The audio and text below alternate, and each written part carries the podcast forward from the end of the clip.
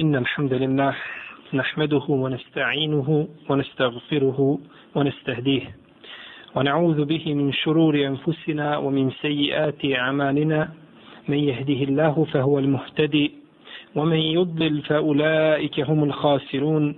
وأشهد أن لا إله إلا الله وحده لا شريك له. وأشهد أن محمدا عبده ونبيه ورسوله.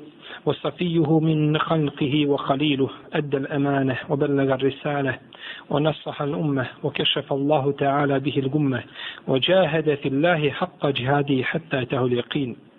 اللهم اجزه عنا خير ما جزيت نبيا عن أمته ورسولا عن دعوته ورسالته. وصل اللهم وزد وبارك عليه وعلى آله وأصحابه واتباعه وعلى كل من اهتدى بهديه واستنى بسنته واقتفى أثره إلى يوم الدين أما بعد Bileže Buharija i Muslim u svojim vjerodostojnim hadijskim zbirkama od Muavije ibn al-Hakema i Sulemija radijallahu anhu da je rekao Klanjao sam jednoga dana sa poslanikom sallallahu alaihi wasallame pa je jedan od klanjača kihnuo pa sam kazao jerhamuk Allah.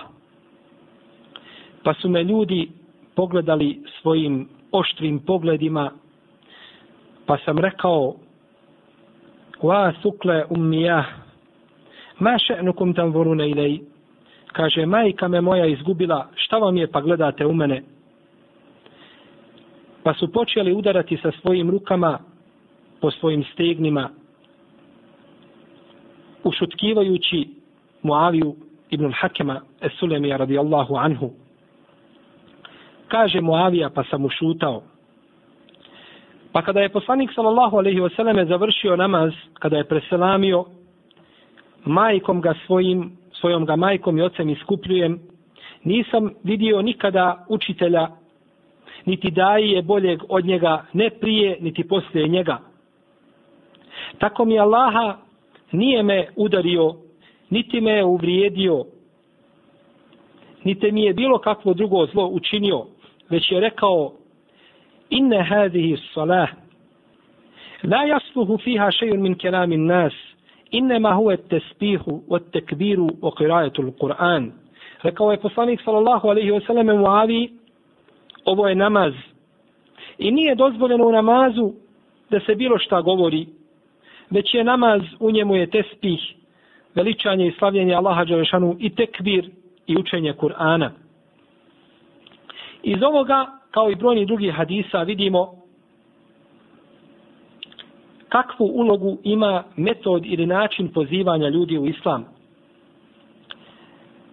Jer od samog metoda direktno ovisi da li će onaj koji je pozivan primiti ili odbiti poziv daje Pa ako daje na najljepši način postupi kao, kao što je to učinio naš poslanik Salosaname u ome i u brojnim drugim slučajima i takav je bio općenito u svojoj davi i u svome pozivanju ljudi u islam, onda će se desiti i a, desit će se ono što je daja, što je daja i očekivao ili što mu je bila želja ili cilj, a to je da primi od njega ono čemu ga je pozivao i s druge strane da on kao daja dobije nagradu kod uzvišenog Allaha te barake o teala. Kazao je poslanik sallallahu alaihi wasallam u hadisu Ebu Umame, koga bilježi imam Tirmizi ibn Mađe sa ispravnim lancem prenosilaca, Inna Allahe wa malaiketahu wa ahlu samavati wal ardine hatta nemletu fi džuhriha wa hatta l'hutu da yusallune ala muallimin nasi l'hajre. Rekao je poslanik sallallahu alaihi ve selleme u istinu uzvišeni Allah i njegovi meleki i stanovnici nebesa i zemalja čak i mrav u svojoj rupi čak i riba u morskim dubinama donose salavate na onoga koji poučava ljude hajru i dobru. Pa je ovo ta nagrada koju je poslanik sallallahu alejhi u ome i u brojnim drugim hadisima obećao onima koji pozivaju ljude na istinu, koji ljudima objašnjavaju šerijatske propise. Ovdje je došlo inna Allaha wa malaikatahu wa ahlul ard. U istinu Allah i njegovi meleci i stanovnici nebesa. Kaže imam Atibi u svome komentaru u svome poznatom komentaru kada je spomenuo ovaj hadis kaže, ovdje su spomenuti meleki i stanovnici nebesa, a znamo da su meleki stanovnici nebesa. Kaže, ovdje na stanovnike nebesa, ovim izrazom misli se na hameletul arš, misli se na meleke koji nose arš, da oni posebno, da oni posebno donose salavate, znači na čovjeka koji poučava ljude dobru.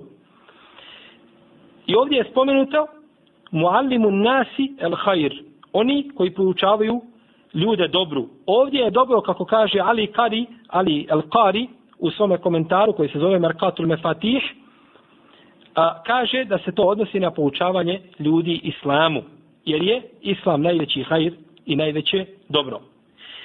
Nakon što je spomenuo citirani hadis, šehol islam ibn Kajim u svome predivnom dijelu koji se zove Miftahu Dari Saade, ključ kuće zadovoljstva ili kuće sreće, kaže, budući da je čovjek pozivao ljude dobru, učeći njihovoj vjeri, i to je bio razlogom da njihovog uspjeha na Dunjaluku i na Ahiretu i čišćenja njihovih duša, uzvišeni Allah te barak je od ga je nagradio shodno dijelu koje je činio, pa je učinio svoj salavat i salavat svojih meleka i salavat stanovnika nebesa da budu uzrokom i razlogom njegovog uspjeha na oba dva svijeta.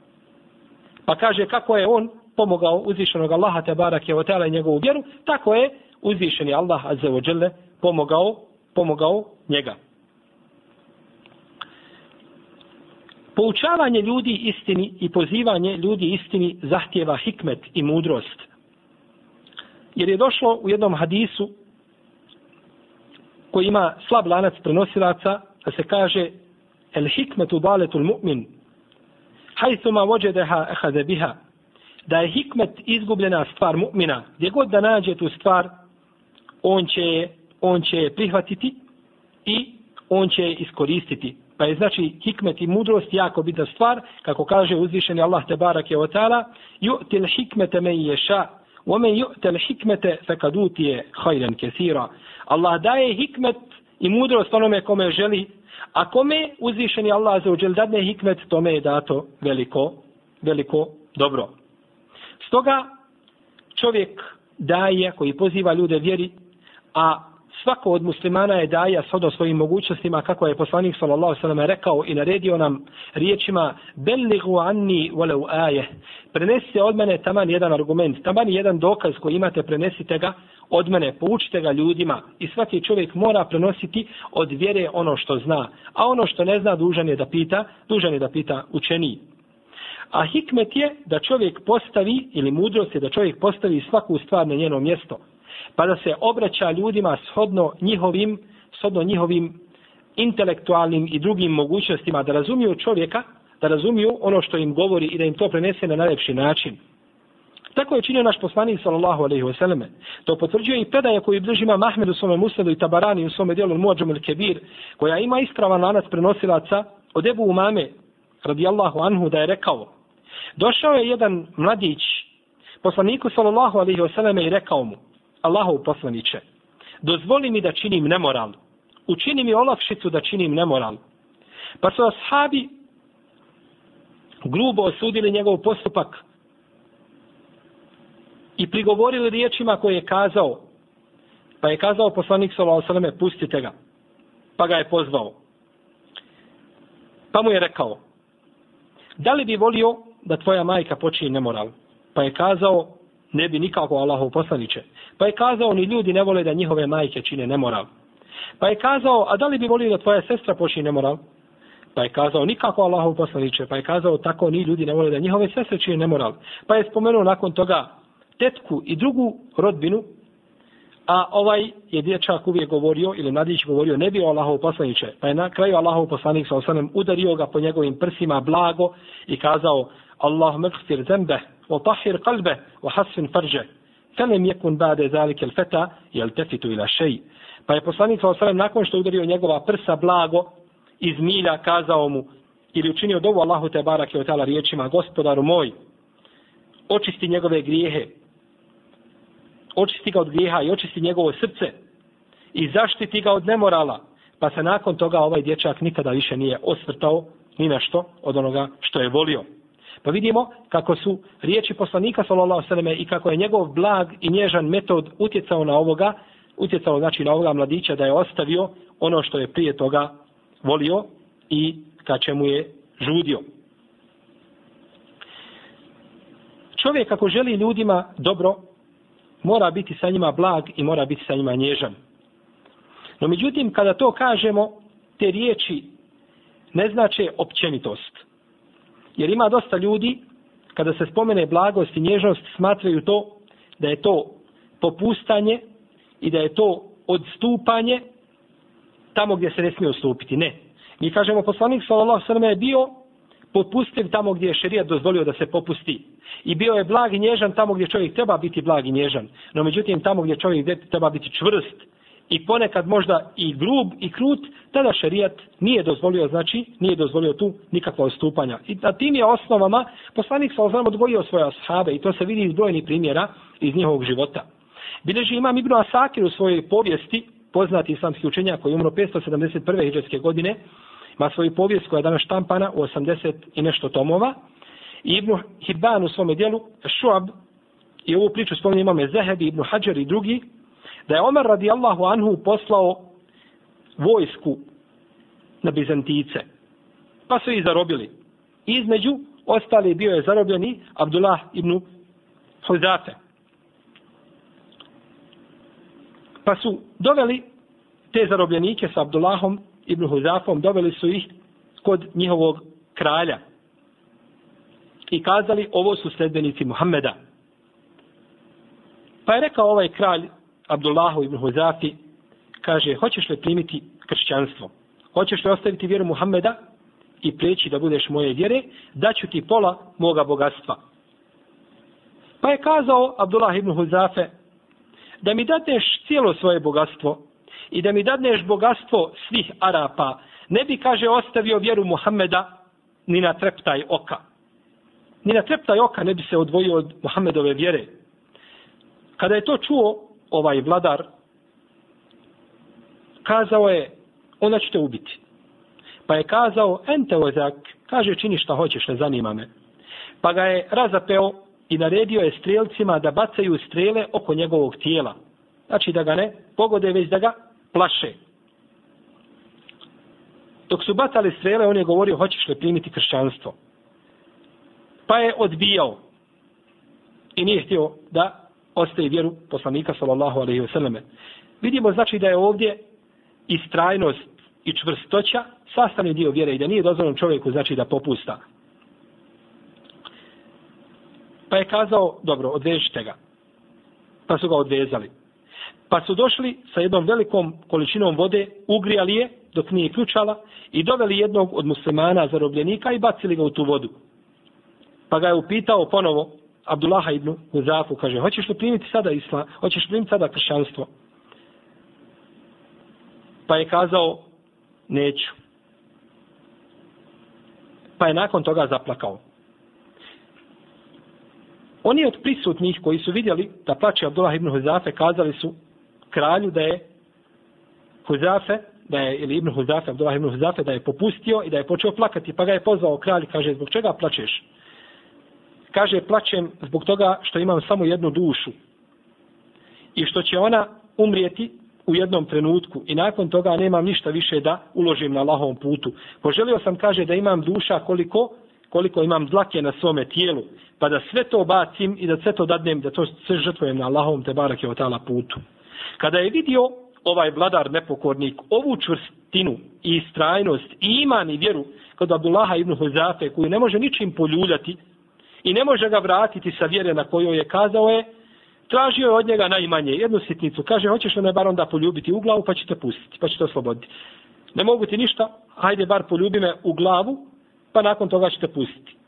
Smatrao je to uspjehom ako Abdullah ibn Huzafe ga poljubi u glavu. Pa je kazao Abdullah, kaže, hoću poljubiti te u glavu, no međutim, no međutim, oslobodi mene i sve druge zarobljenike. Pa je kazao, dobro, oslobodit ću i tebe i druge, samo me poljubi u glavu. Pa ga je poljubio, pa ga je oslobodio.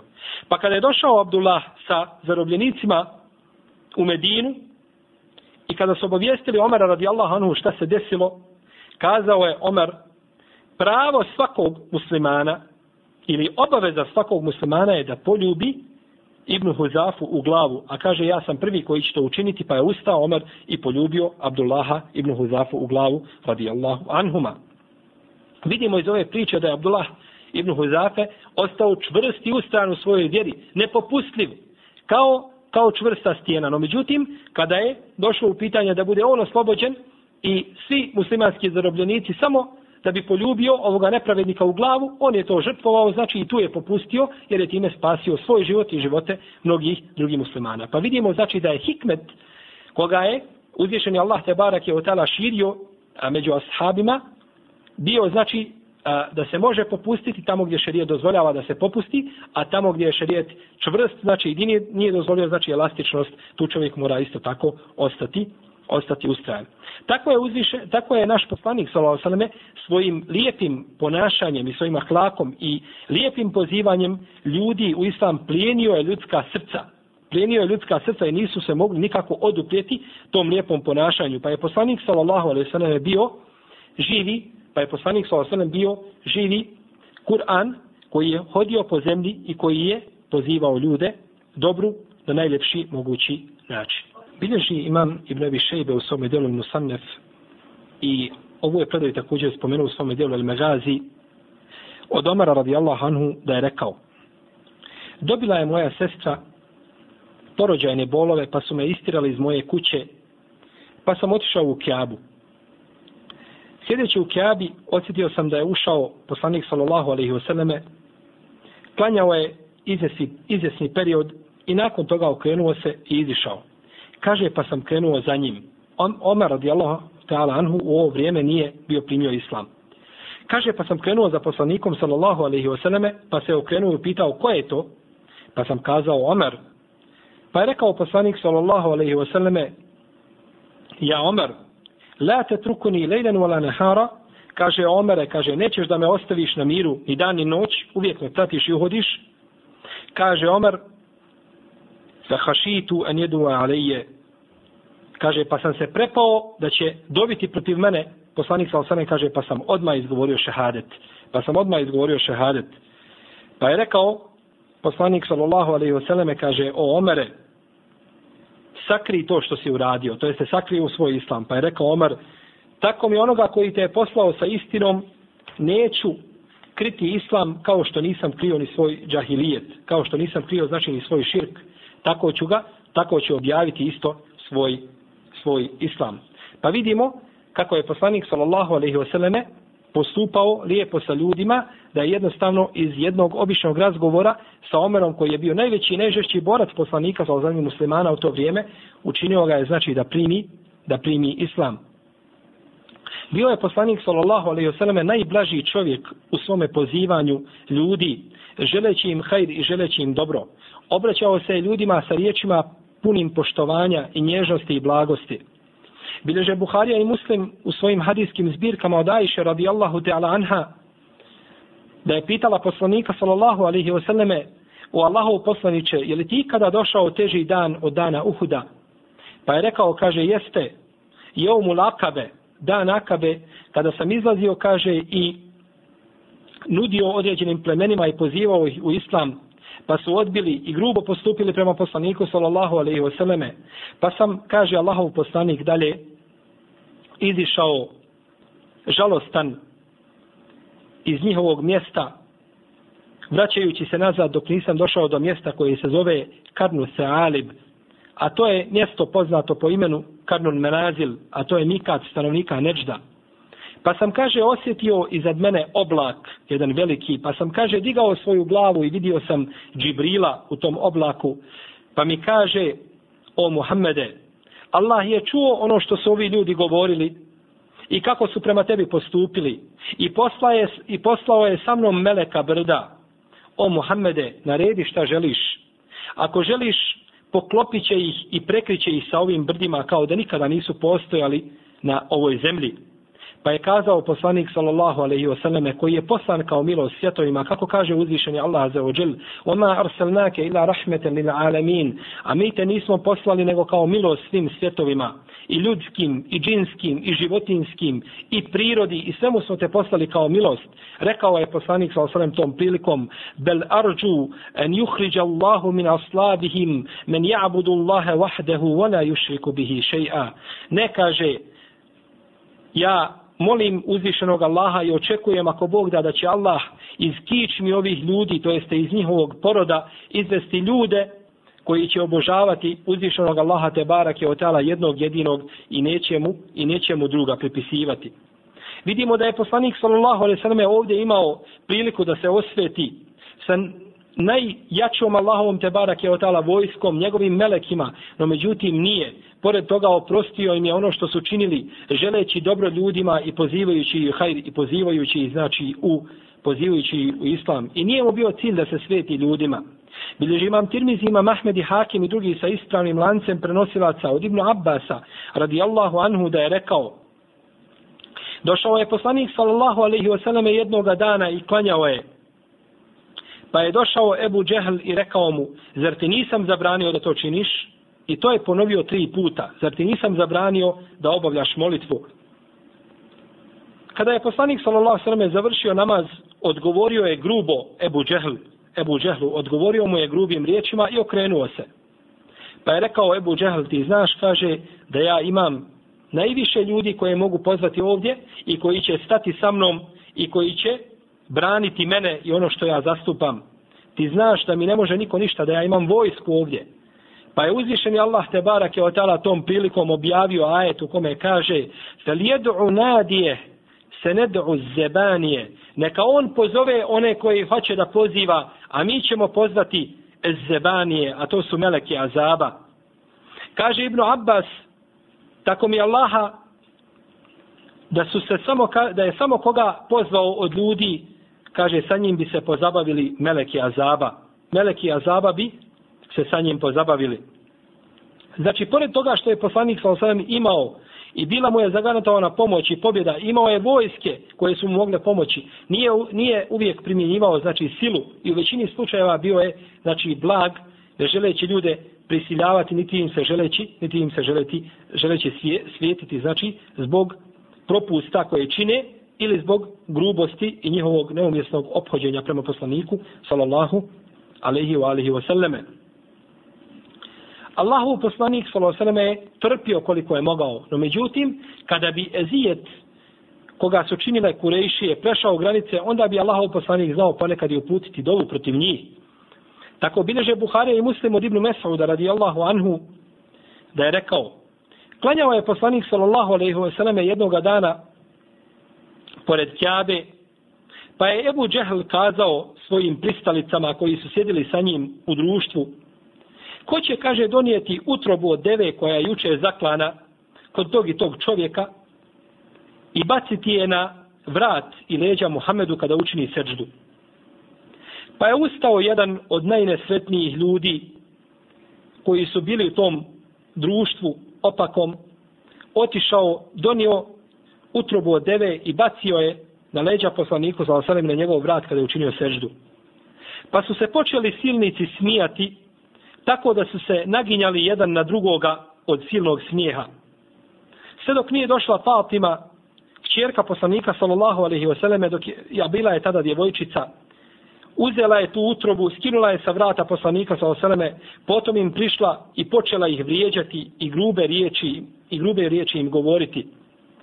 Kada je poslanik sallallahu alaihi wasallam završio svoj namaz, ustao je i a, gromkim glasom učinio dovu Allahu te barake o ta'ala rekavši Allahumme alejke bi kurejš ponovio je to tri puta gospodaru moj tebi se žalim i od tebe pomoć tražim protiv kurejša kada su čuli dovu poslanika sa osanem istog momenta su se prekinuli smijati jer su se pobojali za sebe. Oni su znali da je on poslanik no međutim nisu htjeli da vjeruju iz svoje oholosti.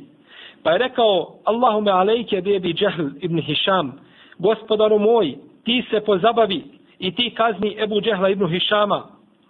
i Utbeta ibn Rebiju i Šejbu ibn Rebiju i Elvalida ibn Ukbu i Umeje ibn Halefa i Ukbete ibn Ebi Muajit i spomenuo je sedmoga, kaže Ravijano, međutim ja ga nisam zapamtio. Ova sedma osoba ili sedmi čovjek koji je spomenut ili mušik spomenuo ga imam Buharija u svome sahihu, kaže da je to bio Umare ibn Walid.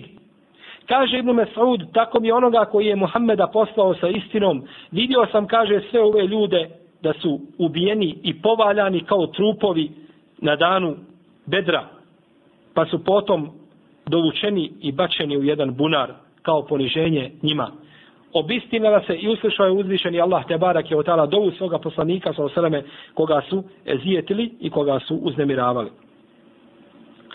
Subhanallah, koliko je samo poslanik sallallahu alaihi wasallam trpio ezijete svoga naroda koji su ga vrijeđali, koji su ga uznemiravali, koji su ga sprečavali u njegovoj poslaničkoj misiji. Bileži imam Ibn Hibban, imam Tabarani i Darekutni sa ispravnim lancem prenosilaca od Tarika Ibn Abdillaha el Meharidija, da je rekao, kaže, vidio sam poslanika sallallahu alaihi wasallame da je došao jednog dana na pijacu, a ljudi su se okupili oko njega, pa je vikao, o ljudi, recite la ilaha illallah, uspjećete. A iza njega je išao čovjek i udarao ga kamenjem i govorio, o ljudi, nemojte mu se odazvati, ovo je lažov. Pa su upitali ko je to, kažu, to je njegov Amidža Ebu Leheb. Vidimo da je poslanik sallallahu alejhi ve selleme znači trpio ezijete od najbližih ljudi njemu. No međutim, pored toga, to nije spriječilo poslanika sallallahu alejhi ve selleme da poziva u Allahovu te barake ve ta'ala vjeru i ništa ga nije moglo zaustaviti na tome, na tome putu. Allahov poslanik sallallahu alejhi ve selleme je bio najbrižniji čovjek prema svome umetu, prema ljudima koje poziva. A sve ljudi koje a sve ljudi, e, svi ljudi koje čovjek koji je poslanik sa osanem pozivao u islam smatraju se njegovim umetom. Pa ima jedan dio umeta koji je prihvatio njegov davet kao što su muslimani, a ima drugi dio umeta koji nisu prihvatili njegov davet pa su ostali na svome, pa su ostali na svome nevjerstvu. No međutim, svi se smatraju, znači, u onome globalnom smislu ummetom poslanika, sallallahu alaihi wa alihi wa sallam. Bileži ima muslim u svome sahihu od Abdullaha ibn Amra ibn Lasa radijallahu anhuma, da je poslanik sallallahu jednoga dana proučio ajet u kome uzvišeni kaže Rabbi innehunne adlalne kethiran minan nas, femen tebi'ani fe innehu minni. Riječi koje izgovorio Ibrahim a.s. gospodaru moj, u istinu su kipovi zaveli mnoge ljude, a onaj ko mene sledi, je od mene. I proučio je ajet u kome je Isa a.s. rekao, in tu'azibhum fa innahum ibaduk, wa in taghfir lahum fa innaka antal azizul hakim. Gospodaru moj, ako im oprostiš, pa oni su tvoji robovi, ako ih kazniš, pa ti si silan i ti si i ti si mudar. Potom je digao poslanik sallallahu alejhi ve selleme svoje ruke i rekao Allahumme ummeti ummeti. Potom je zaplakao. Pa je uzvišeni Allah te barake ve taala poslao meleka Džibrila, uzvišeni Azza ođel, koji je iznad sedam nebesa, iznad svoga arša Azza ođel, poslao je meleka Džibrila, kaže idi Muhammedu i pitaj ga zbog čega plače, a uzvišeni bolje zna i od Muhammeda i od Džibrila, zbog čega poslanik sa plače. Pitaj ga zbog čega plače, šta ga je to rasplakalo. Pa je pitao poslanika Saloseleme, pa je rekao moj ummet, moj ummet. Pa se vratio Džibril svome gospodaru Tebarak je otara i obavijestio ga. A on bolje to zna i od Džibrila i od poslanika, sallallahu alaihi vseleme. Pa je rekao o Džibrilu, idi nazad Muhammedu i reci mu, inna se nurubike fi ummetik wala nesuuk. Kaže, mi ćemo te učiniti zadovoljnim u tvome ummetu. Učinit ćemo ti zadovoljstvo u tvome ummetu i nećeš biti žalostan zbog svoga ummeta. Kaže Ebu Hureyre u hadisu koga bilježe Buhari i Muslim da je poslanik sallallahu alaihi wasallam rekao svaki poslanik ima davu ili ima davet ili dovu koja mu je uslišana koju će uzvišeni Allah te barak je otala uslišati, neće mu je, neće mu je, znači, odbaciti ni u kom slučaju. I svaki od tih poslanika je iskoristio tu dovu i tu priliku na ovome svijetu. A ja sam, kaže, ostavio moju dovu da činim šefat mome umetu na sudnjem danu. Vidimo koliko je poslanik Salosaneme bio brižan da uvede ljude u islam, a nakon toga bio je brižan da ostanu u svome islamu i nakon toga da ostavi za njih ono što je najvrijednije, ono što je najvrijednije na sudnjem danu, a to je dova i šefat da im čini na sudnjem danu, da im uzvišeni Allah te barake tala oprosti ili jedan od poznatih šefata koje spominju islamski učenjaci. Kažemo, bio je poslanik Salosaneme najbrižniji, najbrižniji prema svome ummetu. U hadisu koga bileže Buharija i Muslimu Dajiše radijallahu ta'ala kaže kada bi zaduvao jak vjetar poslanik, poslanik sallallahu alaihi wasallam bi izišao iz kuće, promijenila bi se boja njegovog lica, potom bi se ponovo vratio u kuću, bio bi uznemiren, bojeći se azaba i bojeći se kazne, da ne bi slučajno bila poslana sa tim, sa tim vjetrom. Bojao se je poslanik sallallahu alaihi wasallam azaba i kazne za svoj umet, ne za sebe, sallallahu alaihi sallam, pa on je najbolji čovjek i najbolji Allahov rob i poslanik koji ikad kročio zemaljskom kuglom, nego se je bojao da ne zadesi nešto ovaj umet. Tako se je poslanik sallallahu alaihi sallam obhodio blago i nježno sa svojim umetom i sa ljudima koje je pozivao i zbog toga plodovi njegovog truda i njegovog daveta bili su vidni kako među muslimanima, tako i ne među muslimanima. Pa su brojni ljudi koji su sledili tada kršćansku ili židovsku vjeru ušli u islam. Prenosi imam Tabarani od Zejda ibn Sanebe ili Zejda ibn Sane da je kazao ja sam na Muhammedu vidio sve alamete ili znakove poslanstva osim dva. Osim dva koja su bila spomenuta u našim knjigama. On je bio, znači, od Ehlul Kitaba. Kaže, jedno, jedan od tih znakova jeste da je njegova blagost jača i veća od njegove sržbe. I da čovjek što god biva prema njemu žešći da on i grublji da on biva blaži. I drugo je da je njegov razum i njegovo razmišljanje ispred njegovog jezika. Kaže, pa sam se htio uvjeriti u ove riječi. Pa sam kupio od Muhammeda, kaže Zaid, pa sam kupio od Muhammeda, sallallahu alaihi wa sallam, neke datule da mi znači tu robu a, isporuči nakladno, što je poznato kod islamskih učenjaka kao Beju Selem, platio je cijenu, a nakladno će dobiti robu. Pa smo se dogovorili o količini robe i o terminu kada se treba isporučiti roba. Kaže, pa sam došao dva ili tri dana ranije, prije nego što je došlo vrijeme, isporuke, pa sam uzeo Muhammeda, sallallahu sallame, za njegovu košulju i uvrnuo je i stegnuo je i kazao Muhammede, zar nećeš dati ono što si dužan? Kaže, obratio sam se jako grubim riječima. Htio sam, kaže Zaid, provjeriti ono što sam čitao u svojim knjigama. Kaže, pa sam pogledao u Omera, a Omer ku, kruži i kola sa svojim očima i probada me sa njima kao sa strelama. Pa ne mogavši da se suzdrži, rekao je, zar tako se obraćaš poslaniku, sallallahu alaihi sallam, tako grubim riječima?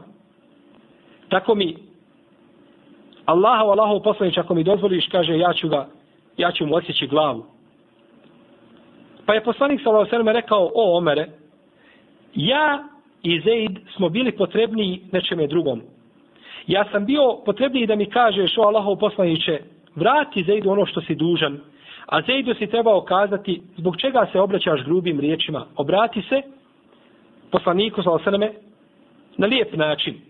Pa je kazao, o Omere, idi, idi u državnu kasu ili u državni magazin, pa daj Zeidu ono što smo se dogovorili i kaže dodaj mu još 20 pregršti zbog toga što si ga uvrijedio.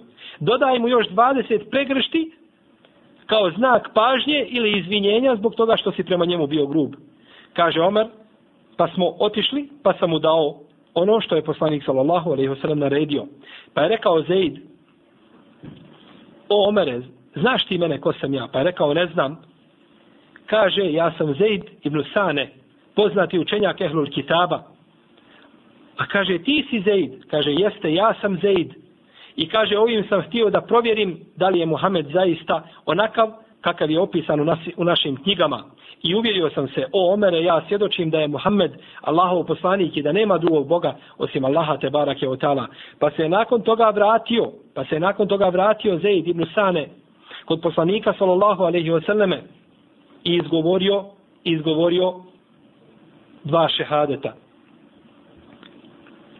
Izgovorio je tada dva šehadeta, znači i primio je, i primio je islam.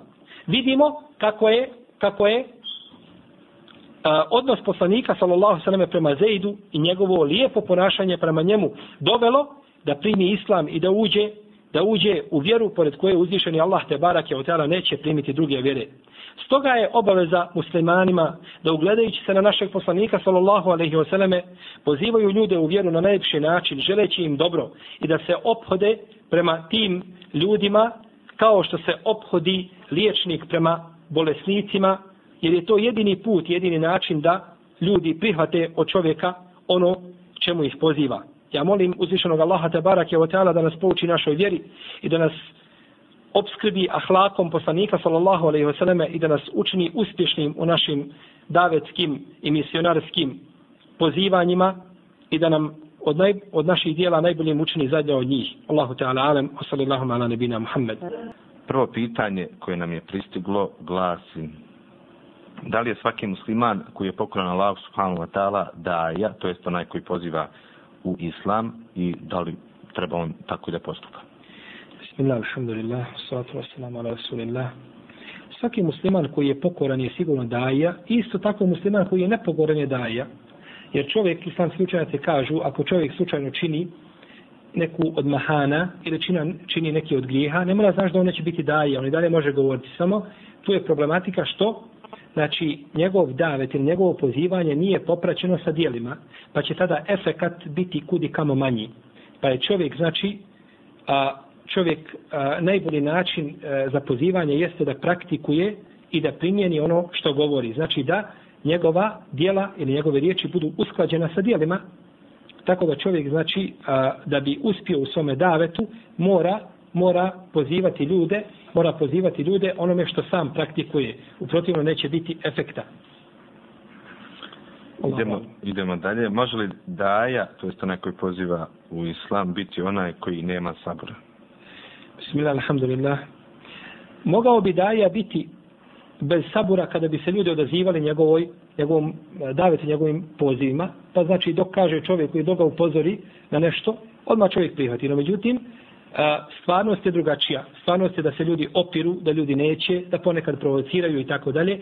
Pa zaista, da bi čovjek uspio u ome, na ome putu daveta, mora imati sabora, jer vidimo da je poslanik Salasana bio najrečitiji Arab, imao je najjače argumente iz Kur'ana i Sunneta i imao je muđize kojim ga je pomogao uzvišeni Allah te barak je teala nadnaravne stvari koje nema niko od ljudi ne može imati, pa je pored toga mora imati sabor.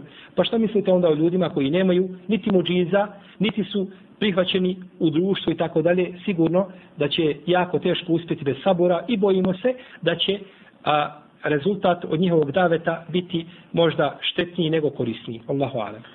Sljedeće pitanje glasi koja je nagrada za onoga ko poziva nekoga, on mu se lahom voljom odazove, to jeste prihvati islam i praktikovanje islama. Došlo je u hadisu koga bilježi imam Buhari u svome sahihu od Alije radijallahu anhu da je poslanik sallallahu alejhi rekao da je čovjeku bolje a, da je bolje za čovjeka da uvede nekoga za islam nego stado crvenih deva u svakom slučaju da čovjek uvede čovjeka da uvede nekoga u islam to je nešto najbolje što može biti mi kada bismo kazali kakva je nagrada čovjeku koji je spasio muslimanu život sigurno da je ta nagrada velika, ogromna. Da može biti kod Allaha te barak tala razlogom da ga uvede u džennet. A šta mislite onda kada čovjek bude razlogom da nekoga uvede u islam? šta je život u odnosu na islam i šta je život u odnosu na ulazak u vjeru. Jer ulazak u vjeru je najljepši život. Jer čovjek kada uđe u islam tek tada počinje da živi i tek tada i tek tada počinje njegov i tek tada počinje njegov život. Pa je znači sigurno nagrada velika i dovoljno je čovjeku i dovoljno je čovjeku znači šerefa i dovoljno je časti i počasti da poziva u ono bez čega znači ne bi ovaj e, čovjekov život imao nikakvog smisla i nikakvog značaja. Pa je sigurno nagrada za to velika. Sljedeće pitanje glasi, danas se mnogi pričaju o islamu, koga da slušamo? Bismillah, alhamdulillah. Allahovom voljom mi danas imamo znači mnoge daje i misionare u lemu koji pozivaju u vjeru. I to je Allahova Đelšanu blagodat koja nije bila prisutna kako na ovim, tako i na brojnim drugim prostorima i u brojnim drugim podebljima prije izvjesnog vremena. Pa je to Allahova te barak je blagodat. No međutim, isto tako imamo znači ljudi koji govore o vjeri, a, a nisu dovoljno upoznati ili ne znaju, znači nesvjesno, a poneki i svjesno govore, a iskrivljavajući sliku Islama. Obaveza je čovjeku da sluša onoga koji je poznat znači među ljudima kao čovjek, kao misionar koji govori po Kur'anu i Sunnetu, koji se znači poziva na temeljne znači uh, islamske osnove, u čije se znači e, u čiju se vjeru i, i iskrenost ne sumnja i ko znači za ono što priča iznosi argumente iz Kur'ana i Sunneta, takvog je obaveza slušati i to je znači prioritet i to je najlakši način znači da se vidi a, i da se a, razluči i da se razdvoje oni koji pozivaju istinu od onih koji pozivaju možda nekim idejama koje nemaju a, jake osnove ili posebnog utemeljenja u Kur'anu i u sunnetu, odnosno u islamu. Jesi. Sljedeće pitanje glasi koliko da se upuštamo u pozivanje ljudi, to i radim svaki dan, jer se susrećem i na poslu i svakoj drugoj prilici sa onim koji ne praktikuju islam, bojući se da u stalnom kontaktu nekada bude i rasprave sa tim ljudima, ja sam i nesvjesno možda poprimim i popustim u nekim stvarima. Pozivanje u islam je sigurno stvar, kako smo već kazali, koja zahtjeva sabora i dosta mudrosti. Tako da čovjek u a, svojoj davi, ili u svome davetu, svome pozivanju mistenarstvu, treba paziti da izbjegava rasprave, kada poziva nekoga i kada govori o islamu, najbolje je da on dominira. Da jedan priča, da on priča i da ga drugi sluša. Ili da on sluša drugoga dok kaže ono što ima kazati. Da izbjegava rasprave. Jer dosta puta u raspravama znaju biti grube riječi, znaju biti znači ispadi koji ponekad imaju kontraefekat. Pa je čovjeku najbolje znači da u svojome, u svome davetu a, a, ne bude znači taj davet da ne bude a, prožet raspravama, nego znači da jednostavno bude da ljudima pojasni istinu shodno svojim mogućnostima, a kada osjeti znači da bi te rasprave mogle da ga dovedu a, a, a, do situacije da popusti u stvarima ili da kaže u islamu ono što ne zna, bojeći se da ne predstavi islam e, krivo ili bojeći se da ljudi ne shvate da je taj islam ovaj e, ovakav ili onakav, onda je bolje čovjeku u tome slučaju znači da stane i da se zaustavi. Sljedeće pitanje glasi oni koji pozivaju u islam, koji dali svojim primjerom ili riječima, znači to se odnosno na njih, imaju li odgovornost oni koji pozivaju druge u islam, s obzirom da opterete ih sa nekim e, za njih nebitne stvari, jer ne znaju prioritete, na primjer, stalno upozoravaju nekog čovjeka koji puši cigaru, a taj isti čovjek ne klanja na taj način čovjek omrzni islam, a ovaj što ga poziva kaže ja sam mu rekao samo istinu. Sigurno da pozivanje u islam ima svoje prioritete i da čovjek mora paziti i obrati pažnju na te prioritete, u protivnom neće uspjeti, neće uspjeti u svome pozivanju. Islam se ogleda u naredbama, zabranama i u stvarima koje su dozvoljene naredbama, zabranama i u stvarima koje dozvoljuje. Pa je najveća greška čovjeku da počne pozivati nekoga u islam i da govori o zabranama. Ne smije tada se pojasni neki šarijetski propis općenito i da se kaže ono što je uzvišen Allah što je zabranio. Jer mi moramo govoriti kako o naredbama, tako i o zabranama, jer, o zabranama, jer je to naša vjera. No međutim, gleda čovjek, znači kome govori i kome se obraća. Kako kaže Alija radijallahu anhu, a nećeš čovjeku govoriti stvar koju neće shvatiti, a da to neće biti njemu fitret iskušenje. Čovjek koji ne zna da je znači ovaj pušenje zabranjeno i nikada to nije čuo i vidi ljude oko njega koji žive da puše, čak vidi doktore, ljekare da puše i tako dalje i vidi neke možda imame da zapale cigaretu, kažu kako može biti zabranjeno, a ja vidim ljude znači da to, vidim da to rade i prvi put to čujem. Znači ne treba tako čovjeku prilaziti. Treba čovjeku prići, upoznati ga sa osnovnim temeljnim znači, stvarima u islamu, da čovjek zavoli islam i da zavoli vjeru i onda nakon toga sigurno će doći vrijeme da čovjek sam kaže, kao što imamo slučaj da ljudi pitaju o nekom propisu, pa pokušava se na lijep način da mu se pojasni i kaže čovjek, ja sam pitao za propis, iako je haram, slobodno mi reci da je haram i ja ću to znači ostaviti. Tako da, kada ima nuđe u srce čovjeka, onda je spreman da prihvata i zabrane i naredbe i biva jednostavno kao spužba, upija sve to i sa punim zadovoljstvom to čini. Dok ne treba čovjek znači na početku da upozorava ljude za stvari ljudi, ljude koji ne klanjaju, koji nikad nisu bili u džami, koji ne, možda ni šehadet nisu izgovorili kako treba da ih upozorava na cigarete, nošenje zlata i slično, sigurno da to nije prioritet u tome slučaju, iako je to sastavni dio vjere i treba to kazati, no međutim doće vrijeme kada se to reći, kada se to treba kazati, a ne znači u prvo vrijeme dok se čovjek poziva dok mu se objašnjavaju osnovni propisi islama. Yes. Sljedeće pitanje glasi koliko društvo može uticati, uticati na ponašanje čovjeka, na primjer, e, kaže neko od tih, kada tebe slušam, sve bih prihvatio, ali kada odem među svoju raju, opet sve po starom. Bismillah, alhamdulillah. Pa ovo je problematika, znači koja se veže za društvo, koja ima uvijek utjecaj na čovjeka ili pozitivan ili negativan.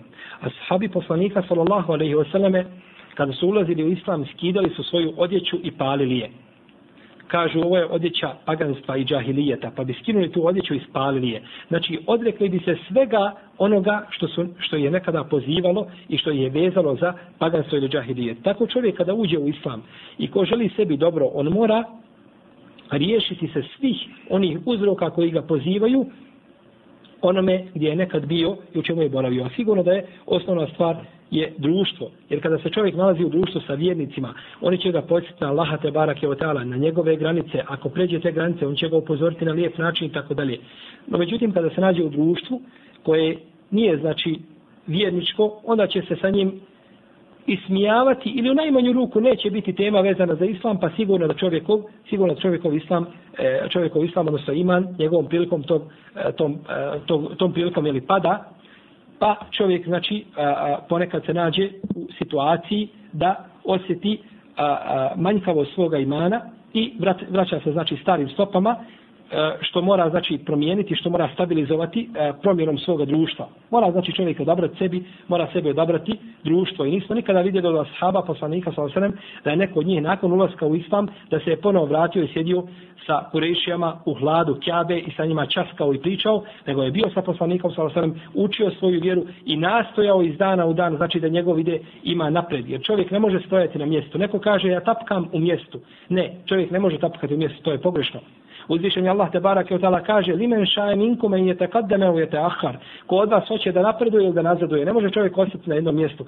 Sam boravak na mjestu na jednom to je nazadovanje. Jer je čovjeku obaveza da napreduje i da ide napred kao što su činili ashabi poslanika sallallahu alihi wa alihi wa sallam.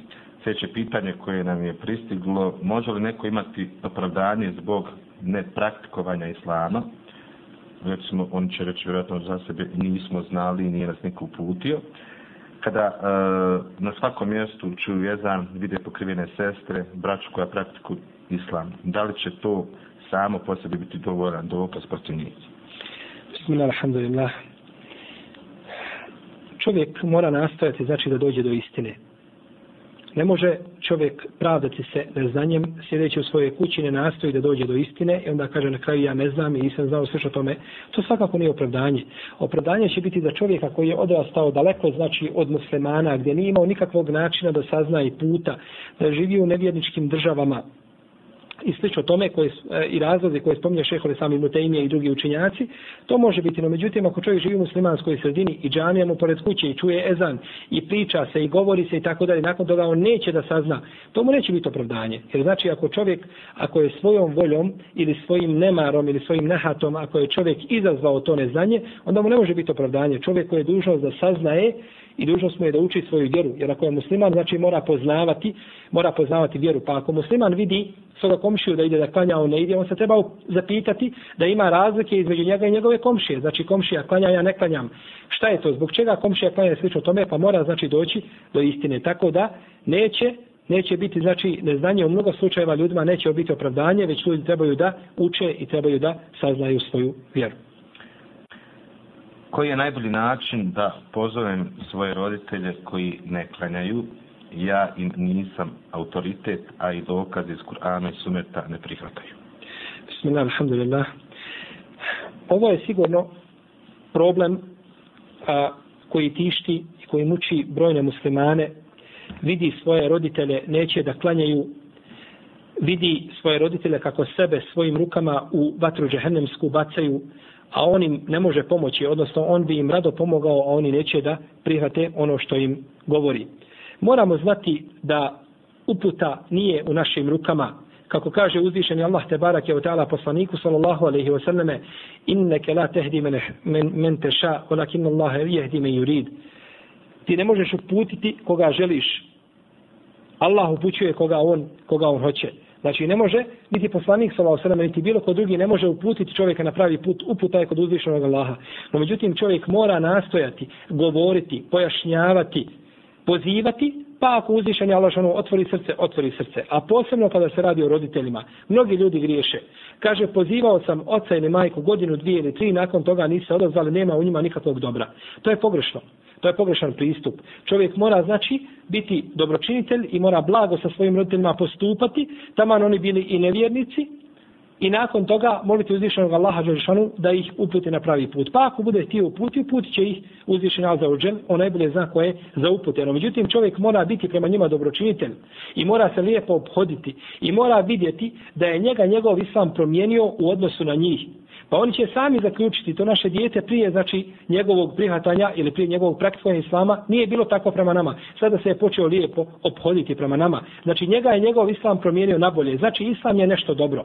I ja često savjetujem braći muslimanima pa im kažem ako hoćeš biti dobročinitelj svome roditelju, ako hoćeš da prihvati tvoju davu i tvoj poziv od tebe, onda učini svoje lice da bude da bude tepih po kome će gaziti tvoji roditelji. Znači, toliko se ponizi pred svojim roditeljima da spustiš svoje lice na zemlju iz, poni, znači, iz poniznosti prema njima, pa onda je očekivati da oni prihvate, onda je znači očekivati da oni prihvate ono čemu ih pozivaš. Jer dosta ljudi poziva roditelje na grub, na grub način ovaj i neumjesan način, tako da roditelji to odbiju i onda sigurno da nije autoritet kod njih. I moramo znati da većina djece nisu autoriteti kod svojih roditelja. To moramo znati. Jer onaj, islamski učenjaci kažu, onaj ko te je prao dok si bio mal i ko, dok, ko te je održavao i ko te je hranio i ko te je podizao, ne možeš ti njemu nikako biti autoritet. Njemu će biti autoritet neko drugi. Pa se prenosi od Ebu Hanife da je svoje majice donosio fetvu, pa bi je poslao kod čovjeka koji je bio obični vajz koji ništa nije znao, kaže idi donesi mi od njega fetvu. Pa bi Ebu Hanife otišao da donese fetvu od toga čovjeka, pa mu kaže ovaj, Kaže, pa Ebu Hanife, ti si došao kod mene po fetvu? Kaže, jeste, tako moja majka hoće. Dobro, kaže Ebu Hanife, reci mi kakav je odgovor. Pa Ebu Hanife kazao čovjeku kakav je odgovor, pa on kazao, dobro, reci svoje majci tako i tako. Pa kada odgovori, kaže, e to je odgovor, a nisu, kaže, odgovori ono što daje Ebu Hanife, kaže Ebu Hanifina majka. Pa nije, znači, prihvatala od Ebu Hanife, pa je logično, znači, da dijete ne bude autoritetno, međutim, toga ne smije spriječiti da poziva roditelje i da bude blag prema njima, a kada osjeti da ne može, onda neka vidi nekoga ko je autoritet, pa neka dođe, neka pokuša, znači, da upriliči ovaj, e, jedno, znači, sjelo sa nekim ko autoritet, ko će ih poznati, ko će im objasniti, ko će im govoriti, neka pokuša da donese kasetu, nekakav članak iz novina, koji iziđe ako zna da je, da, da je, da, znači da je neko od učeni drugi autoritet, neka pokuša znači da im dođe sa onim što daje govore, pa i neka na kraju, na početku i na kraju moli uzvišenog Allaha te barake od jer je uputa u ruci uzvišenog stvoritelja Azza Dobro, sljedeće pitanje koje bih ja možda malo nadovezao na, na ovo prethodno, kako i na koji način već onima koji recimo godinu, dvije praktiku islam klanjaju, ali baš se nisu promijenili, nisu svoje loše navike, loše osobine, svoju lošu na, narav e, ispravili već onaki kakvi jesu. Mi smo već kazali, znači da islam mora promijeniti čovjeka u osnovi. Mora promijeniti njegovo ponašanje i njegovu narav. Mora, znači, islam, moraju se tragovi islama osjetiti vidno u čovjekovom životu. Jer je islam je došao kao živa vjera koja se treba primijeniti praktično kao što je poslanik sa osvijem bio živi Kur'an koji hodi, kaže Ajša, njegov ahla, kjane hulukuhul Kur'an, njegov huluk i njegova etika, njegovo ponašanje, njegovo obhođenje sa ljudima, njegovi ibadeti, sve je to bilo Kur'an živi. Pa čovjek znači mora taj Kur'an primijeniti u svome životu. Jer ako čovjek uđe u islam i dvije, tri godine nikada se ne mijenja, nikada nije krenuo napred, on je veliko dobro izgubio. Jer je cilj čovjeku da poveća svoj iman, da se približi svome gospodaru dobrim djelima.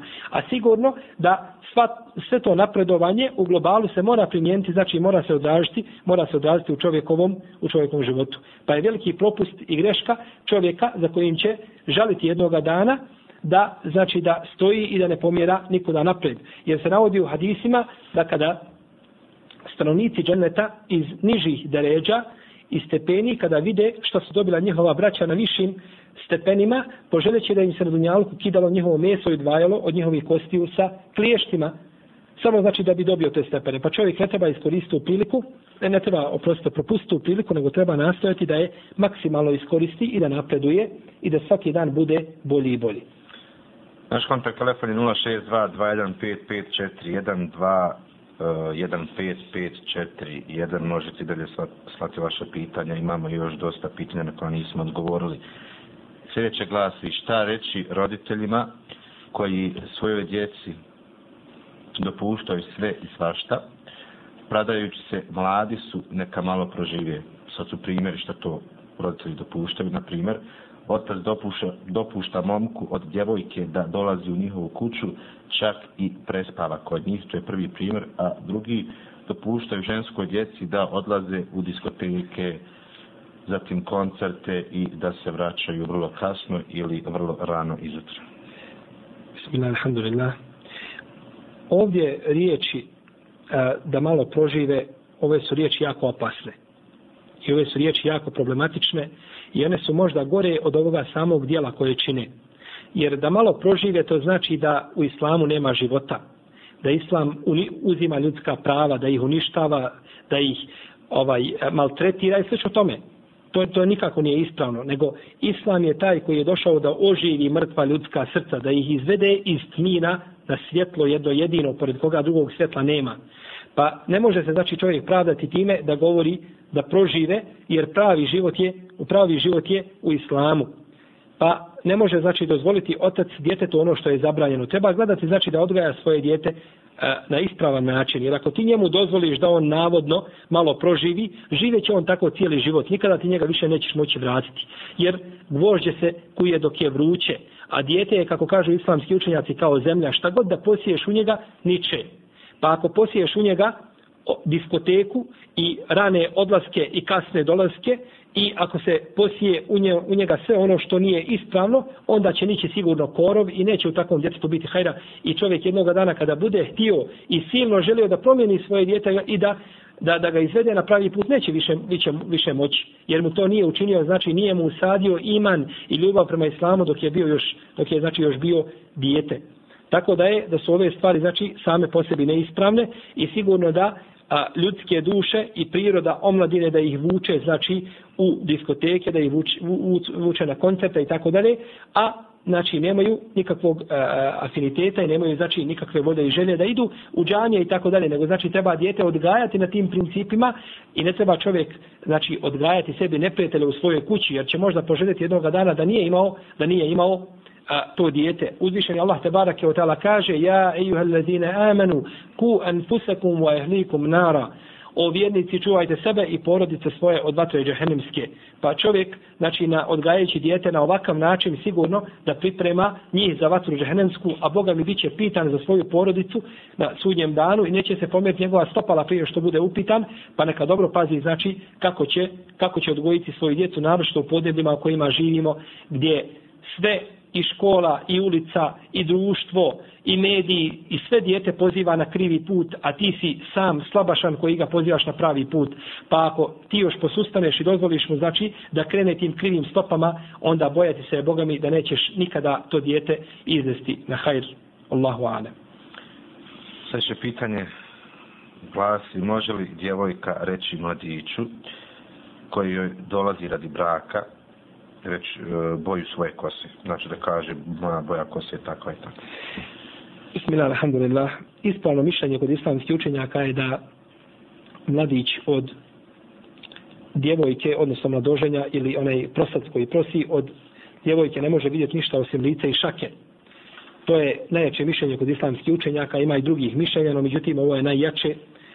A na osnovu lica može primijeti da li je lijepa, a na osnovu ruku, prstiju, može primijeti da li je mršavija ili je punija i tako dalje. U svakom slučaju tomu je dovoljno i volio bih da se ne dešava, da se ne dešavaju nikakvi drugi opisi, a ako upita o boji kose, pa ako kaže, molim Allah inša da u tome ne bude nekog spora. znači samo da upita, nikako da mu pokazuje znači svoju kosu, nego da odgovori jednostavno crna, smeđa, plava, slično tome. Jeste. Drugo izdanje emisije u ciklusu upoznaje svoga poslanika sallallahu alejhi ve sellem. Na vaša pitanja odgovara magistar Safet Kuduzović, a prije toga neki 45 minuta smo pričali na temu kako je to poslanik sallallahu alejhi ve sellem pozivao u islam. 062 215 541 dobili smo zeleno svjetlo da možemo nastaviti i nakon 22 sata tako da se ništa ne sekirate ova pitanja koja su pristigla odgovorit ćemo na njih inša teala. 062 215 541 Sljedeće pitanje glasi uh, hadis o Omerovom primanju islama koji ste spomenuli u toku predavanja, zar on nije primio islam u kući svoje sestre i zeta? Bismillah, alhamdulillah. Ova je znači verzija koju smo spomenuli, koju bilježi Nebi Šejbe u svome Musannefu i koju bilježi u svome dijelu Magazi, poznata znači verzija.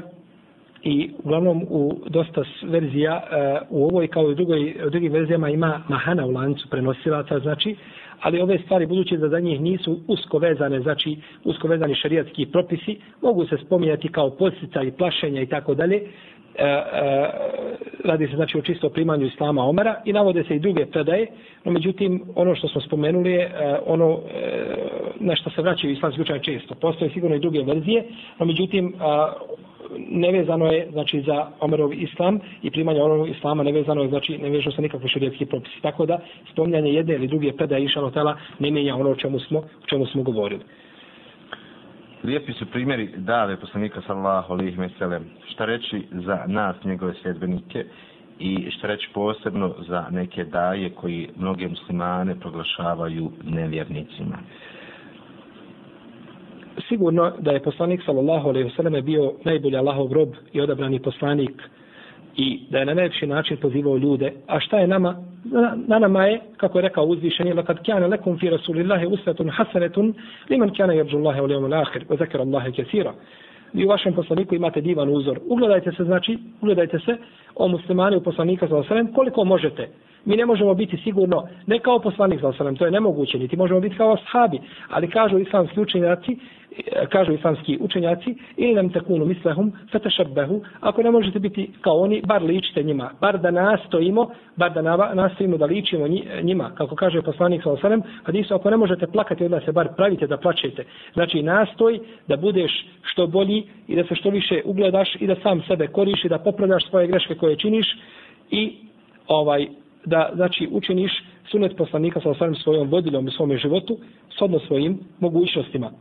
A što se tiče daja, da ima daja da proglašavaju muslimane nevjernicima, nisu mi poznate, znači posebno daje koje tako čine, u svakom slučaju ne treba se čovjek puno zabaviti proglašavanjem e, ovaj e, ljudi nevjernicima, treba više da se zabavi pozivanjem ljudi u islam, pa znači mjesto da čovjek raspravlja da li je onaj ko ostavi namaz komšija koji ne klanja da li je musliman ili nije musliman, bolje je da raspravlja o tome kako ga pozvati u namaz i kako mu objasniti namaz i kako ga poučiti namazu i kako mu objasniti ovaj posljedice negativne koje se mogu, znači, koje može ostati, znači, e, negativne posljedice na sudnjem danu zbog svog ostajanja namaza i sl. tome, pa je bolje zabaviti se pozivanjem čovjeka u islam nego, znači, njegovim proglašavanjem ovaj, e, e, a, a, znači, da je nevjernik i sl. tome. Allahu alam. Kakva je nagrada ako musliman oženi nemuslimanku i prevede je na islam? Bismillah, alhamdulillah. Nagrada je velika, već smo kazali, znači prethodno, hadis Alije koji ukazuje na odliku da čovjek uvede nekoga u islam. No međutim, ovdje se postavlja pitanje šta ako oženi kršćanku pa je ne uspije prevesti na islam. Isto tako, a, a, čovjek će imati znači vječitih problema i neće biti čist, čist od grijeha.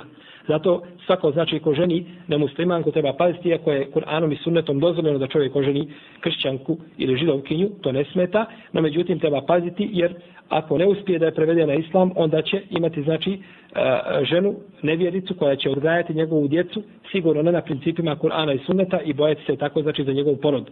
A ako uspije da je prevede na islam, sigurno da je u tome da je velika nagrada kod uzvišenog Allaha te barake od nije došlo ništa pona osob, osim Adisa Alije koga smo prethodno spomenuli.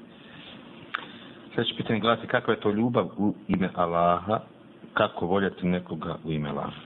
Bismillah, alhamdulillah.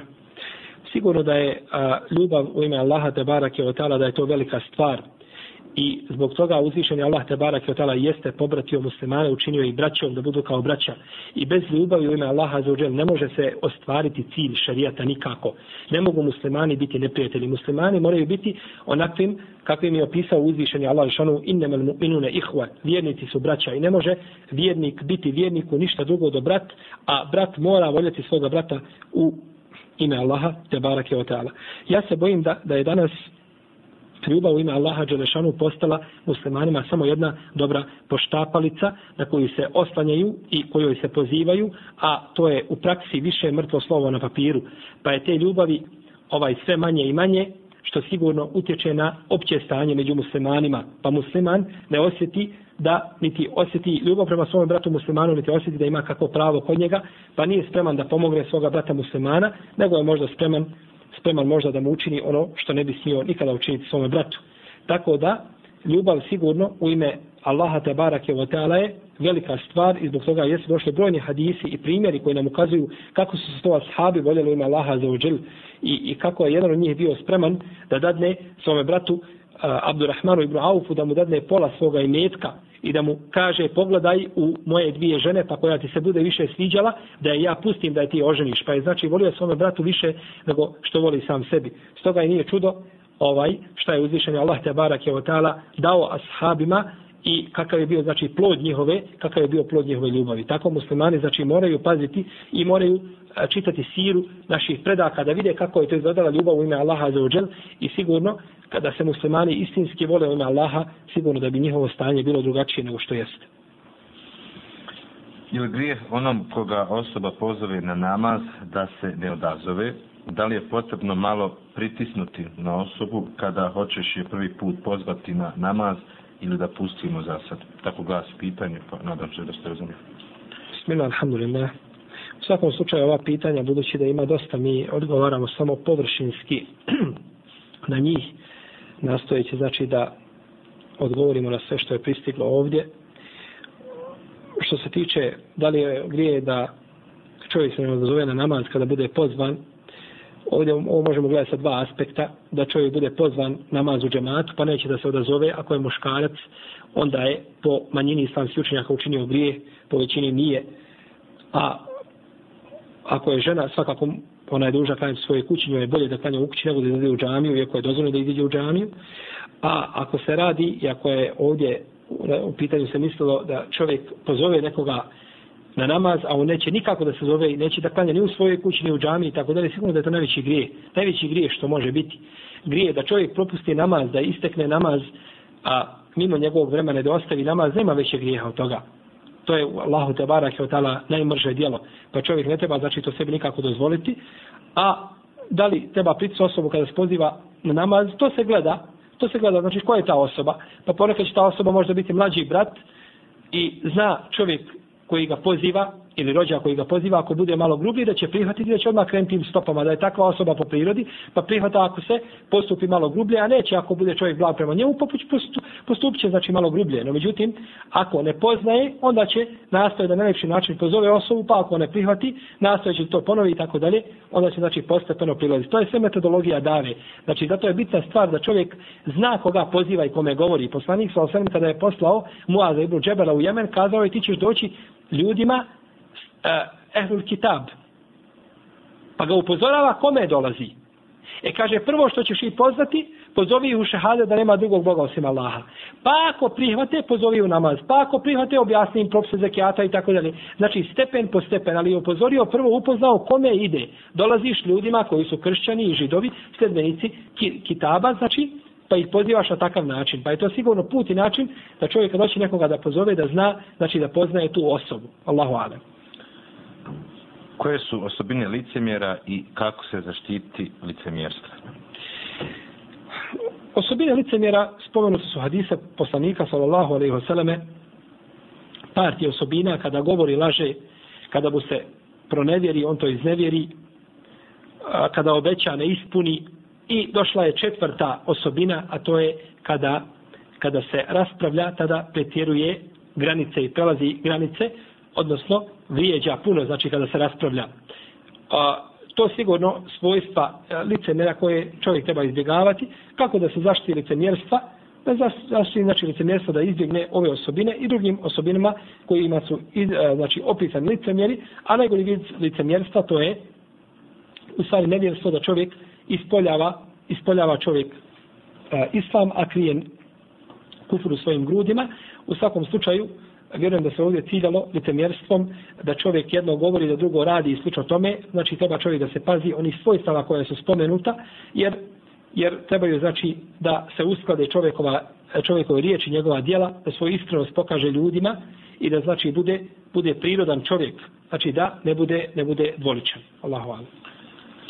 Naš e, kontakt telefon putem kojeg možete slati vaše poruke 062-215-541, 062-215-541.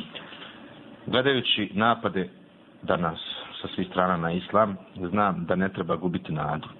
Da li nam vaš gost može nešto kazati ohrabrujuće na, na tu temu?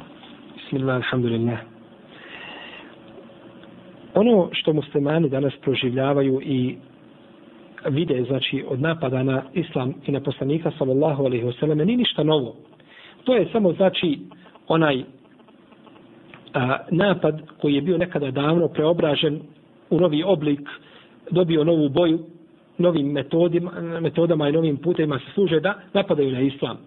Tako da čovjek ne treba nikako da gubi nadu. Ovi napadi na islam su poznati od vremena poslanika sa osam i to smo vidjeli u primjerima koje smo izložili za vrijeme našeg e, predavanja.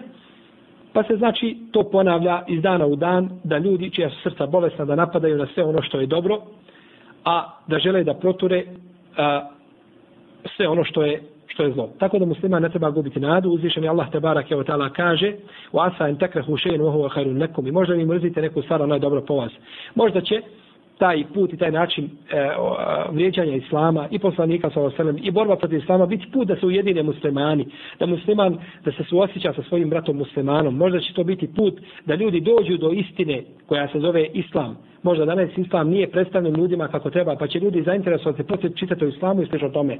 Ja ću samo navesti jedan primjer da vidite koliko ponekad zle namjere mogu biti korisne za islam. Mi ne kažemo kada ovo kažemo da čovjek treba da se raduje kada vidi da neko vrijeđa poslanika sa osanom ili islam i sve o tome. Ne nikako. Treba da reaguje, ne smije ostati znači skrštenih i, iskupljenih skupljenih ruku. Treba znači govoriti, treba braniti tako da je stati svim silama raspoloživim odbranu islama. No međutim, na kraju mi se mi očekujemo da će inša inšala sada to biti hajde za islam.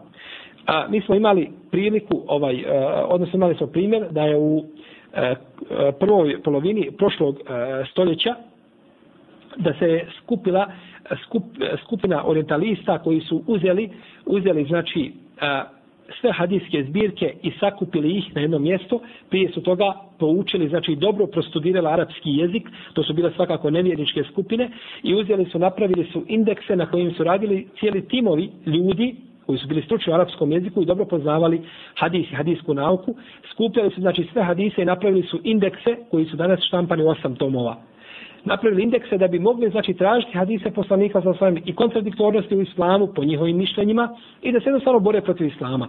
Takve indekse niko nije napravio od islamskih učenjaka. To je bio zaista veliki, veliki posao koji su oni uradili. Pa je nakon toga došao e, jedan islamski učenjak koji se zvao Fuad Abdul Baqi koji je preveo te indekse i na arapski jezik. I danas se svi ljudi koji se bave hadisom koriste tim indeksima i to je najlakši način za traženje hadisa poslanika sa osanem. Pa su oni htjeli zlo, a učinili u stvari veliko dobro za islamu i veliki ustupak islamu učinili koje nisu čak prije njih učinili ni, ni, islamski, ni islamski učenjaci. Pa su znači, pa je to iskorišteno. I to u tome ide u prilog isto hadis poslanika sa osanem da će uzvišeni Allah šanu pomo, pomoći ovu vjeru sa čovjekom fađirom i pasikom, teškim prestupnikom ili griješnikom, a ponekad možda i nevjednikom. Tako da muslima ne treba gubiti nadu. Poslanik sa osanem nama obećao pobjedu i kaže da će islam ući u svaku kuću i da neće ostati ni jedna kuća ni u pustinji koja je sazidana od blata, niti u naseljenom mjestu i urbanoj zoni, a da neće u nju ući islam.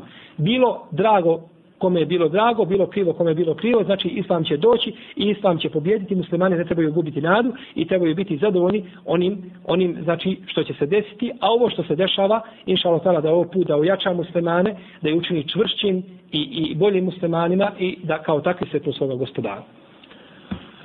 Sljedeće pitanje glasi, slušajući vaš ders o hijabu, mnoge sestre su shvatile da ne smiju izlaziti vani. E, koje su to situacije smatraju opravdanim razlogom za izlazak žene? Bismillah, alhamdulillah. Pa u svakom slučaju ja bih predložio da još jedan put, možda malo pažljivije, da se preslušaju te kasete i sigurno da se neće, ako bude doći do ovakvog zaključka, a, nije ženi zabranjen izlazak iz kuće, a, općenito, niti je dozvoljeno općenito, već žena izlazi znači iz svoje kuće kada ima potrebu. Ima potrebu. Znači, ako žena ima potrebu da iziđe u trgovinu, iziđe iz svoje kuće. Ako žena ima potrebu da ode, znači, lekaru da se liječi da i slične stvari da obavi nešto u nekoj državnoj ustanovi slično tome. Nema muža kući nije mogućnosti slično tome. Onda žena izlazi iz svoje kuće. No međutim da samo žena izlazi iz svoje kuće tek tako da hoda i da, i da šeta bez ikakve potrebe to je sigurno pogrdno i to se kosi sa riječima Allaha te barake od Allah kad ne fi bujute kun i boravite u svojim kućama. Pa znači žena izlazi iz kuće po potrebi a znači potreba je sve ono što se smatra a, a, nuždom da žena obavi što bi znači otežalo njen posao, e, njen život ili ona e, ovaj na onaj način znači uzelo njena e, osnovna znači prava koja ima. Tako da znači žena izlazi kada se ukaže neka potreba, u protivnom neće izlaziti jer je najbolji hidžab za nju njena kuća. Jest. Kako da se odnosim prema urođenim osobinama? Znam da je nešto loše, ali ne mogu nešto ostaviti. Korim sam sebe. Bojim se da neću izdržati, ja to ne želim, ali duša to hoće. Bismillah, alhamdulillah. To je u stvari borba čovjeka sa svojom dušom i sa prohtjevima. I ta borba zna ponekad biti duga, zna biti mukotrp, mukotrpna, teška. Ponekad je za čovjeka neke stvari jako teške. Kada mu govoriš uradi tako i tako, ostavi to i to, on kaže hoću ostavit ću, no međutim to je za njega teže nego da prenese brdo sa mjesta na mjesto. U svakom slučaju čovjeku je dužno, dužnost da se bori i ne smije se predavati, i mora znači slomiti i mora slomiti sebe i svoju dušu, a ako nakon svih iskrenih pokušaja ne uspije, ne uspije, onda neka, neka se i prije toga naravno kaj Allahu Đelšanu očekujem da će mu njegov gospodar oprostiti, ali znači on mora dati sve od sebe. A ako ne uspije, onda to se vraća na hadisu kome je poslanik Salosan kaže, svako od ljudi ima grijeh koga će činiti, neće ga se proći dok ne umre, ili hadis Enesa koga bileži imam tirvizi u kome kaže, svaki sin Ademovi grešnik, a najbolji grešnici su oni koji se kaju. Može li žena biti svjedok u sklapanju šerijatskog braka? Može žena biti svjedok u sklapanju šerijatskog braka, no međutim ovdje za, za jednu ženu vrijede dvije žene. Jest. Dobro, sljedeće pitanje u Sarajevu su poznati izrazi ocami i da kucnemo drvo. Šta na to da, da se kaže? Ocami to je zakletva, to je haram i to je zabranjeno. Bileže Buharija i Muslim u svojim hadijskim zbirkama da je Omar radi Allah anu rekao, čuo me je poslanik sa osvijem da sam rekao o ebi, o ebi i oca mi moga i oca mi moga, pa je rekao poslanik sa osvijem Omeru, ja Omer, inna Allahe jenhakum en tahlifu bi abaikum, kaže o Omere, Allah vam brani da se zaklenjete svojim očajima. Pa kaže Omer, nisam nakon toga se nikada više zakleo, nikada svojim se nisam zakleo, niti bilo čime drugim, niti sam, kaže, spomenuo ovaj slučaj nakon toga, da ne bi izgledalo kao da se zaklenjem. A što se tiče kuckanja u drvo, to ljudi često čine da ne ureknu nešto i tako dalje, to je stvar koja nema nikakve osnove u šarijetu i koju treba izbjegavati. Imamo još e, par pitanja na njih ćemo odgovoriti. Da li je dozvoljno probiti više naušnica u uho? Sad ne znamo da li ovo uh, se odnosi na muško ili na žensko, pa ako možete odgovoriti. Bismillah, alhamdulillah. Što se tiče probijanja ušiju a, za žensko, znači žensku djecu ili žene, većina islamskih učenjaka to smatra legitimnim, dozvoljenim i postoje hadisi koji ukazuju na to kod Buhari od Ibn Abbasa i drugi da je dozvoljeno išao tela da se probijaju uši ženske djece. Neka ulema je to zabranjeno, međutim ispravno mišljenje da je to dozvoljeno. A što se tiče muškaraca, to je svakako zabranjeno, na to ponašanje žena i to nije nijekom slučaju dozvoljeno. A da li je dozvoljeno probijati više, znači e, puta uho radi da se više naušnica stavi, nema u šarijetu ništa što brani, nema u šarijetu ništa što brani, no međutim e, ovdje je jedino e, je, zabrana bi bila ako bi se time oponašale nevjernice. Pa ako muslimanke znaju da nije, znači kod nevjernica običaj, korimo na žene, da one probijaju, znači, uši na više mjesta da stavljaju i ne smatra se to ponašanjem nevjernica, onda ne vjerujem da bi, ne, bi, ne vidim znači ništa u tome, znači nema šerijatskog jasnog argumenta koji bi to zabranio. Bude je dozvoljeno, bila jedna ili dvije ili tri, znači sve bi to bilo dozvoljeno, osim ako se, ako bi se, znači time ponašao nevjernice, vallahu alem. U sljedećem pitanju, to je situacija u kojoj čovjek kaže svojoj ženi, razvodim se od tebe 105 puta, a ne tri. Imali ikakve šanse za obnovu tog braka? Bismillah, alhamdulillah. Što se tiče eh, razvoda u ljutnji, on ima, eh, ljutnja ima više stepeni. Recimo, može čovjek biti ljut, da ne zna šta govori, da je van sebe i tako dalje. Znači, nije opće svjesna šta je rekao u tom slučaju. Eh, e, pojačuje mišljenju, neće se desiti razvod braka. Ako čovjek, u svakom slučaju, ako je rekao u ovome slučaju, postoje razilaženje među islamskim pravnicima, da bismo kazali da li je u tom slučaju desio se razvod braka ili ne, to moraju znači supružnici doći na mjesto i kazati, objasniti tačnu situaciju šta se desilo, jer nije ispravno na ovakav način islamski učenjaci savremeni između ostali šejh Ibn Bazi, šeh Ibn Sejmini, šeh Albani nisu niti preko telefona, niti na bilo koji drugi način davali fetve o razvodima braka, već treba znači saslušati jednu drugu stranu, treba vidjeti situaciju, sve se u obziri, jer sve to može uceti na konačni hukmi, konačni propis. Jeste. Sljedeće pitanje, e, čujemo da se na predavanjima kaže ulema većina učenjaka i slično.